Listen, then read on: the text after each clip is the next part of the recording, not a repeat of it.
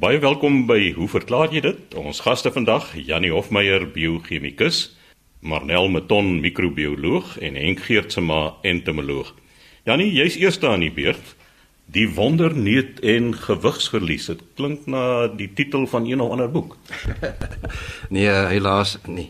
Chris Mamore en môre kollegas en luisteraars. Die vraag kom van Gerda Koegelenberg af. Sy sê nie waar sy vandaan kom nie, maar sy vra die volgende. Sy sê die wonderneut in aanhalingstekens, die word verkondig om gewigsverlies aan te help. Die neut word in piepklein stukkies verdeel, agstes en dan fyn gedruk en met water gemeng. Die drinker van die neutwater ondervind dan baie gereelde en of hewige oopelyf wat dan glo gewigsverlies tot gevolg het. Ek het dit oorweeg om die neut aan te skaf, maar vermoed dat dit dalk giftig is wat dan die diarree sou veroorsaak. Kan iemand dalk lig werp op die wonderneut en of dit voordelig of nadelig vir die mens is? Nou Gerda gaan nou eers vir jou 'n kort antwoord gee. Dis giftig, dit veroorsaak diarree, dis nadelig en behoort glad nie gebruik te word om gewig te probeer verloor nie. As in elk geval geen kliniese studies wat toon dat dit werk soos wat die verspreiders van hierdie neut in Suid-Afrika en oorsee beweer nie. Maar die vraag is nou wat is hierdie wonderneut? So dit is die neut van 'n 'n boom met die naam van 'n bankoolboom. In Engels is dit 'n candle nut, Aleuritus mollucanus en is 'n blomboom wat lid is van die van die familie Euphorbiaceae. En die boom het 'n horde name. Candleberry, soos ek genoem het, is nou of 'n Indian walnut, soos wat baie mense dit hier sou noem, Kemiri, Varnish tree, Nuez de la India, Samila de Brazil, Bois keras, die kukui neutboom en die kekuna boom. Dit kom natuurlik as soos die name aandui wyd versprei oor die wêreld voor veral in die noordelike reënwoude van Australië in die Molukke eilande, Maleisië, Indonesië en baie van die Suidsee eilande. Nou waar kom die naam candle nut nou vandaan? Is eintlik 'n interessante gebruik. Mens neem die middelrib van 'n palmblaar en dan ryg dit mense deur die neut en dan steek mens dit aan die brand en omdat dit 'n baie hoë olie-inhoud het, brand die olie dan in soos 'n kers. So die neut kan mens gebruik as 'n soort kers. Word ook in baie oosterse kooktradisies gebruik om byvoorbeeld 'n dik sous te maak wat mens saam met groente en rys eet. En daar's baie ander gebruike vir hierdie neut oor die wêreld heen. Vir, moderne verbouing en dis nogal groot verbouing van die neut is hoofsaaklik om die olie te herwin en dan word daar vernis en kosmetiese produkte uit die olie van hierdie neut gemaak. So dit klink eintlik asof hierdie werklike wonderneut is met baie gebruike, maar daar is 'n ernstige probleem. En net soos baie ander lede van hierdie familie van bome, Euphorbiaceae, bevat die varsneut in sy rou vorm toksiese verbindings. So ek het nou 'n persverklaring gekry van die Medisynebeheerraad in Suid-Afrika wat eintlik nooit hierdie soort van ding doen vir natuurlike medisyne nie. Maar hulle het gevoel op 2 Oktober 2017 moet hulle iets sê. So ek het eerste stukkie vertaal. Ek gaan net nou nog 'n ander deel lees. Maar volgens hulle is dit bekend dat die sade of neute en ander dele van die Aleuritus mollicans plant toksies mag wees deur die teenwoordigheid van forbelesters, saponine, toxalbumin en waterstofsianiet.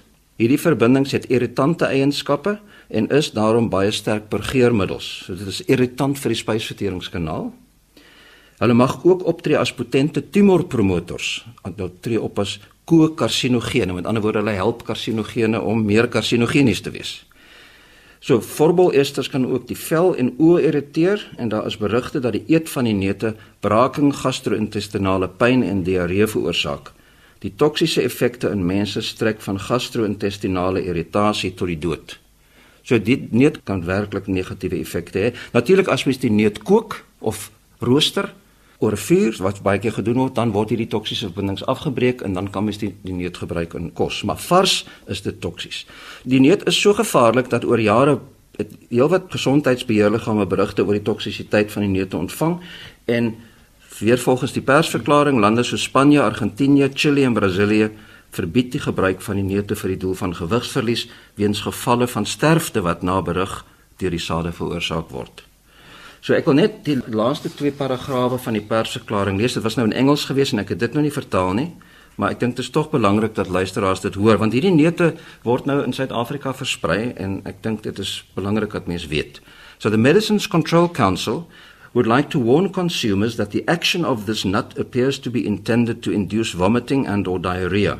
There is no other evidence that suggests any other mechanism that would aid in weight loss. Council therefore encourages all consumers to be mindful of the potential toxicity and public health risks associated with the use of Indian walnut, Aluritis mollucanus, and recommends that its use be avoided in the interest of public safety. Furthermore, all sellers of products containing these nuts or preparations thereof, when intended to be used as a slimming agent, are reminded that these products are subject to registration as medicines. Effective control of such products is in the best interests of the public and will be pursued with the necessary rigor. Nou weet ek nie of die necessary rigor eintlik al in werking getree het nie, maar wel wat ek dink is oneties om hierdie soort van ding te verkoop vir alles mens weet dat dit gevaarlik is en dat al die ander dinge, ek meen as mens gaan lees op die internet, dan is al hierdie beweerde voordelige effekte van die neut, byvoorbeeld dit dat dit vet brand en cholesterol verlaag en tot gewigsverlies lei en help met die behandeling van die hele reeks siektes, alles nonsens. Daar is geen bewys vir enige van die goed nie. Geen mens met 'n gesonde verstand kan tog dink dat gewigsverlies deur diarree nou eintlik 'n goeie idee is nie. Ek kan my voorstel dat konstante diarree wel tot gewigsverlies kan lei, maar dis gevaarlik en beslis kortstondig. Sover ons weet, is daar net een manier om gesond te verslank. Eet gesond, eet minder, doen oefening. Dit neem 'n tydjie, maar lei tot blywende gewigsverlies. So een van my gunsteling skrywers, Michael Pollan, het dit mooi opgesom. Hy sê: "Eat food, not too much, mostly plants." So Gerda, ek hoop dat ek daardeur vir jou genoeg inligting gegee het wat jy kan besluit om ver van die wonderneut af weg te bly. Ja nee, ek kan net byvoeg my pa het altyd as toe ons nog kinders was gesê as jy 'n tweede skeppie wil hê, gee jou maag 'n halfuur kans om die boodskap by die brein te kry dat jy vol is. Goeie raad. Nou ja, dit was dan Janie Hofmeyer, biochemikus wat van ons van die wonderneut en gewigsverlies vertel het. En Manel, jy het 'n vraag ontvang oor 'n hele tuin vol fungi. Ja, môre Chris, kollegas, luisteraars. Ek het 'n briefie ontvang van Amory Wortman en sy is van Centurion en sy sê dat hulle 'n groot erf het met baie bome en plante. Sy sê wat alwel hierdie jaar opgeval het, is die groot verskeidenheid van fungi wat hulle daar het. Die voortuin sê sy het twee groot akkerbome en daaronder was die oprit altyd dig van die mos. Hierdie jaar het ons egter 'n groot verskeidenheid sampioene op ons grasperk gesien. Werklik ten minste 3 tot 4 verskillende soorte. Die naweek merk ek toe ook op dat een van die halfdood bome oranje fungie aan het, op mekaar gestapel so spiraaltrappe. En sy sê dan ook verder daar's nie net baie fungie nie, maar ook 'n verskeidenheid ligene en swaan op die boomstamme. En sy sê dan ten slotte ons het 'n uh, besonderse laaste 2 jaar beleef met selfs klein skerpioene wat hulle in die tuin tuis gemaak het, 'n klompie paddas en so aan. En dit voel vir haar of die voorstedelike tuin dan nou al hoe wilder raak. So ek is bly oor jou brief Almarie want verslag kan ek oor ten minste mikrobes praat en fungie is definitief een van my groot passies.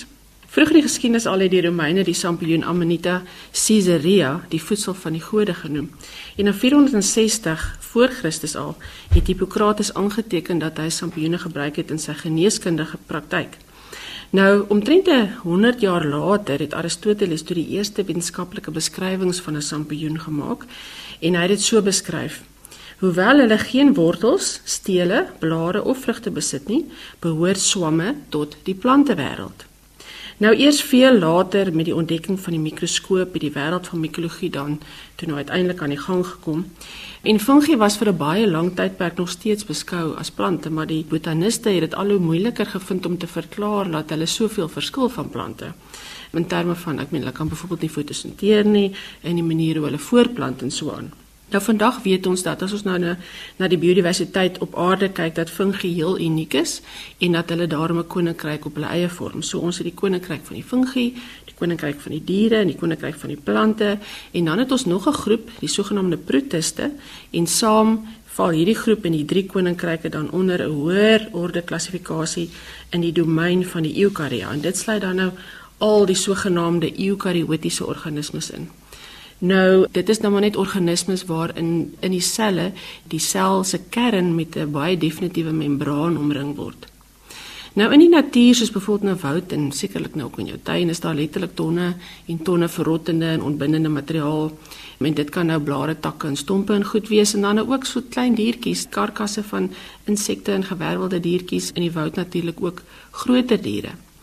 Nou die hoofrolspelers in hierdie ontbindingsproses is fungi, natuurlik saam met bakterieë, maar hulle is verantwoordelik vir die afbreek van die organiese materiaal. So hulle breek dan nou hierdie organiese materiaal af terug na die basiese elemente en dit sal dan nou weer beskikbaar wees vir die primêre produseerders in hierdie groot sirkel van die lewe wat ons ken. Die meeste van hulle is dis eintlik saprofiete. So hulle breek dooie organiese materiaal af alhoewel sommige van hulle ook parasities kan wees.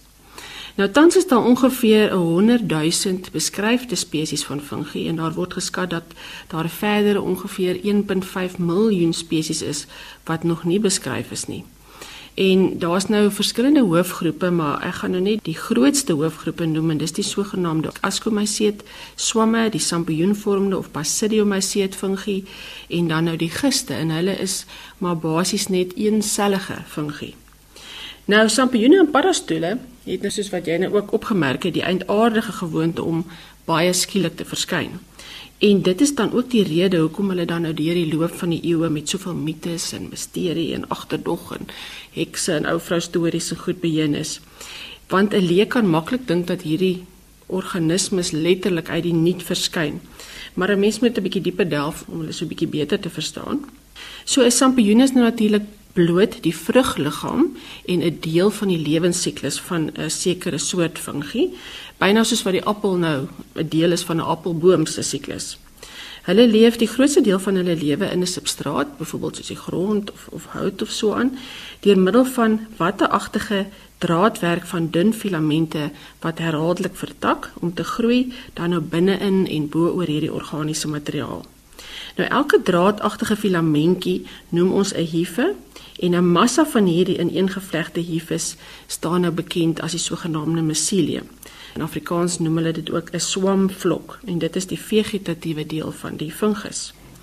Nou die hifes oor die algemeen is is basies buisvormig en kan in sommige groepe ook afgeskort wees deur klein membrane wat ons dan septa noem en ander is hulle weer afwesig. Maar die vrugliggame of sampioene dra dan nou die mikroskopiese spore en mens kan dit nou vergelyk met die sade van plante. En elkeen van hierdie is dan nou weer in staat om 'n hele klein kolonie op sy eie te vorm. As 'n mens na 'n sampioen kyk wat so omtrent 8 cm in deursnit is, nou as jy na die mus kyk, hulle kan tot 'n geskatte 16 biljoen spore produseer en vrystel. En vir die grootste gedeelte van die fungus se lewe, soos wat ek nou nog gesê het, woon hulle in die substraat, die grond byvoorbeeld, en ons is salig onbewus van hulle bestaan. En tydens hierdie fase wat basies weke kan duur, word 'n sogenaamde klein protosampioen of 'n knopie in die grond dan nog gevorm. Hierdie strukture bestaan uit massas van hierdie dig gepakte hifes, byna soos 'n kompak in eengedrukte droë spons wat vinnig sou kon uitsit as mense dit nou aan water sou blootstel. In die volgende stadium van ontwikkeling sou water dan ook geabsorbeer word wanneer die voggehalte in die omgewing dan nou hoog genoeg raak en dit gebeur dan nou gewoonlik wanneer dit reën. So in daai stadium na reën neem hierdie miselium dan groot volumes water op en dan begin die vrugliggaam miskielik letterlik uit die grond uitbars soos wat hulle dan nou in volume toeneem. En dan hierdie vrugliggaam se lewensduur is gewoonlik nie baie lank nie, net genoeg om dan natuurlik hulle volwasse spore vry te stel. Nou jy noem ook die rakswamme en hulle vrugliggame daarenteen kan 'n paar jaar lank bestaan en gewoonlik sien ons dat dit 'n kors het wat wissel in dikte en op die oppervlak van bome of hout groei. Sommige van hierdie spesies kan parasities wees. In hierdie Stellenbosch het ons al talle van die ou akkerreuse sien doodgaan en afbreek as gevolg van parasitiese fungie, maar baie ander van hulle is bloot saprofities en hulle leef bloot op die dooie hout en takke en stamme waar hulle nou soos wat ek verduidelik het 'n rol speel in die ontbinding van die hout. Nou iets waarvan baie mense onbewus is, is die interaksies tussen plante en fungi.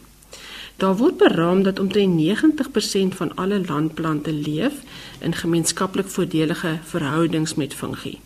Hierdie is die sogenaamde mikorizale fungi en hulle het dan nou assosiasies met die wortels van plante wat hulle koloniseer en sodoende hulle groei bevorder. Nou in hierdie assosiasie voorsien die plant, die fungus van koolhidrate, nou natuurlik suikers is, in ruil vir die hulp met die opneem van water, essensiële elemente soos fosfate en stikstof. Nou boonop blyk dit ook of die plant se immuunstelsel baat vind deur hierdie assosiasie. En die rede hiervoor is dat die teenwoordigheid van hierdie fungi die vrystelling van verdedigingsgeassosieerde chemiese stowwe meebring. En sodoende is die opeenvolgende immuunreaksies vinniger en meer effektief wanneer daar nou plantpatogene verskyn. Nou akkerbome wat jy dan nou noem, is bekend vir hulle assosiasies met 'n sekere groep van die mycorrhizas, die sogenaamde ectomycorrhizas, en dit is dan nou waarskynlik waarom jy hierdie vrugliggame juis onder hierdie bome opgemerk het. Wat verder merkwaardig is, is dat hierdie mikorrizale fungi plante kan verbind met mekaar wat selfs soms baie ver van mekaar staan. En die mikoloog Paul Stamets noem dan dat hulle basies vergelyk kan word met die aarde se natuurlike internet, want hy het ooreenkomste opgemerk tussen hierdie fungus mycelium en die basies die beginstadium van die internet, wat 'n baie interessante um, iets is om aan te dink. En naamlik net nog een ding noem, Volgens 'n artikel in April 2003 se uitgawe van die Canadian Journal of Forest Research is die grootste lewende fungus in die wêreld vermoedelik die sogenaamde parasitiese heuningfungus Armillaria ostoyae en het daarom die naam Humongous fungus bekom. Nou Mikolo is van mening dat hierdie fungus 'n enkele individu is en dit leef in 'n woud in Oos-Oregon en dit blyk om 'n area van byna 10 vierkante kilometer te dek. Nou die massa hiervis groei tot 'n diepte van omtrent 1 meter van hierdie fungus en in die grootste deel is die wyte amper 6000 meter wyd. Verder blyk dit en hulle kan nie mooi vasstel nie asof hy ongeveer 2400 jaar oud mag wees, maar daar's ander beramings wat sê dat dit tussen 2000 en 8500 jaar mag wees en dat hy tot 600 ton kan weeg. So indien dit wel so is, sal hierdie fungus die grootste lewende organisme in die wêreld wees, definitief op grond van sy oppervlak.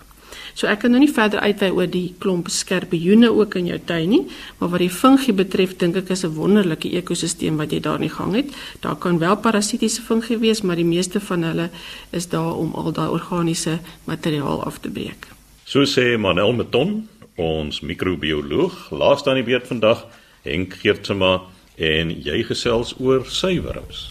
Ja, ek het 'n brief gekry van Linda Kneer en sy sê sy wil graag die volgende met die luisteraars deel en sy hoop die span sal haar kan help om haar seun se nuuskierigheid en onkunde te stil.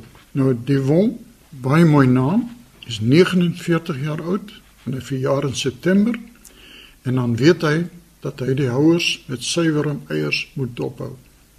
Dis ook nie lank nie of die wurms is daar, maar die blare nog nie. Dan moet almal bond staan om iewers blare te kry. Ons vermoed dit is moerbyblare. Ons huishulp het iewers in ons omgewing 'n boom opgespoor waar sy blare pluk.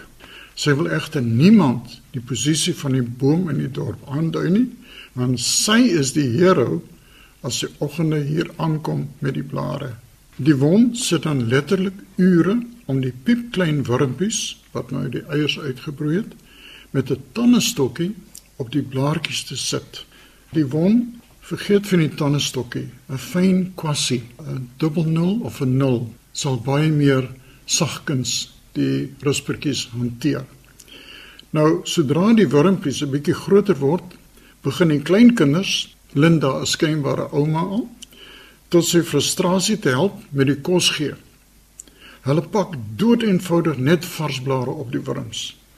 Dan skud die wond sy kop in verontwaardiging en hy doen alles oor sodra hulle huis toe gaan. Dis weer ure se werk. Nou, sodra die wurms groot is, is sommige gestreep en ander wit. Ek onthou my skool daar het ons gepraat van die zebras. Hy vertel dan vir sy kleindogter sy is die jongste dat een van die twee dis nou 'n streepie of nie gestreepte rusper 'n wyfie of 'n mannetjie is niemand kon hom nog oorreed dat dit nie so is nie en hy glo dit vas en sodra die zebras papies vorm is daar liggeel en donkergeel papies. Daarvoor het hy ook 'n verklaring. Ek dink as die span in eenvoudige taal vir hom kan vertel hoekom party gestreep en ander wit is en wat veroorsaak liggeel of donkergeel papies. Want hy sal dit eerder glo as wat enige iemand dit vir hom vertel want hy glo nogal wat hy oor die radio hoor. Baie dankie vir die interessante inligting wat julle met ons deel. Nou ja, natuurlik in die eerste plek, al die inligting wat jy op die radio hoor, moet 'n mens baie keer met 'n groot knyp sout vat. Maar kom ons kom terug. Die maklikste vraag is die liggeel of donkergeel papies. Nou, natuurlik as die kokonne gespin word, dan hang dit af van die suiproduksie van die betrokke larwe. Nou as die larwe of die rusper of die wurm, ek verkies die woord rusper want 'n wurm kan verwys na aardwurms. Maar die ding is as die rusper goeie kos gekry het en goeie behandeling soos wat die wond vir hom gee, dan gaan die kokonne donkergeel wees. As van die ruspers 'n bietjie aan die agterspeen gesuip het, dan is die kokonne liggeel. Met ander woorde, die proteïene en so aan is nie volledig aanwesig nie. Nou die zebras, die gestreeptes. Nou as 'n mens byvoorbeeld 'n monster neem van 100 van hierdie ruspers, dan is daar 2 tot 5% van hulle is gestreep. Dit hou verband met hulle oorspronklike toestand toe hulle so 5000 jaar gelede nog in die vrye natuur geleef het. Gestreepte wurms in die vrye natuur het 'n beter kans vir oorlewing. Byvoorbeeld, as jy mens kyk na in Suid-Afrika, as jy 'n rusper sien en hy's swart-wit geband, so byvoorbeeld op Crotalaria, kry mens baie mooi mot, maar Crotalaria self is 'n giftige plant en hierdie rusper neem dan van hierdie gif in en is dan giftig vir roofdiere. Dan byvoorbeeld in Namakoland kry mense baie mooi pink pouoogmooitjie, Eucroa trimini, wat op Melianthus voed. Nou Melianthus is 'n baie giftige plant. As jy mens dink aan 'n stinkspringkaan, hulle voed ook op daardie groep plante en 'n mens kan die reuk van die stinkspringkaan kan jy herken as Melianthus met die boerenaam Kruikie roermenie herken jy onmiddellik. Dis daai stinkspringkaan se reuk. Maar kom ons kom terug. Nou, die gestreepte wurms het in die vrye natuur 'n beter kans vir oorlewing, want swartwit is 'n waarskuwingskleur wat die roofdiere, voëls, muise en so aan bang sal maak en dan nie ruspers uitlos. Maar met die verloop van die jare het hulle nie meer die beskerming nodig gehad nie, want die Chinese het hulle nou in die huis aangehou en het die witterge wurms die oorhand gekry, want in die natuur as die organisme moet voorsiening maak vir beskerming, kos dit. Dit vat energie. Nou is dit baie meer beter as jy al jou groei stof in 'n witterige worm insit, want jy het nie meer nodig om bang te wees nie. Dit is dat die gestreepte wurms nie meer so volop is nie, want nou beskerm die mens die wurms teen hul natuurlike vyande. As jy mense 100 wurms weerneem of ruspers, dan sal ongeveer die helfte mannetjies wees en die ander helfte wyfies. Met ander woorde, dieselfde sal gebeur as mense 100 gestreepte ruspers vat. Sal daar 50 50 mannetjies wyfies wees. So die gestreepte wurms ruspers kan of mannetjies of wyfies wees. As jy die gestreepte wurms eenkant hou en met hul teel met antwoorde net gestreeptes sal hulle nageslag wel meer gestreeptes oplewer, maar nog steeds die witterige rusper sal ook daar wees. So die won, ek hoop ek het jou vraag beantwoord om dit kort te vat. Gestreepte wurms kan mannetjies of wyfies wees. Dis nie net mannetjies of net wyfies nie. Baie dankie vir u interessante brief en ek hoop dit gaan goed met jou suiwer boerdery. Dankie vir die mooi brief, Linda. So sê Henk Geertsma, ons entomoloog Die tyd is verstreke. Skryf gerus aan ons by hoe verklaar jy dit? Posbus 2551 Kaapstad 8000 of stuur 'n e-pos aan chris@rsg.co.za.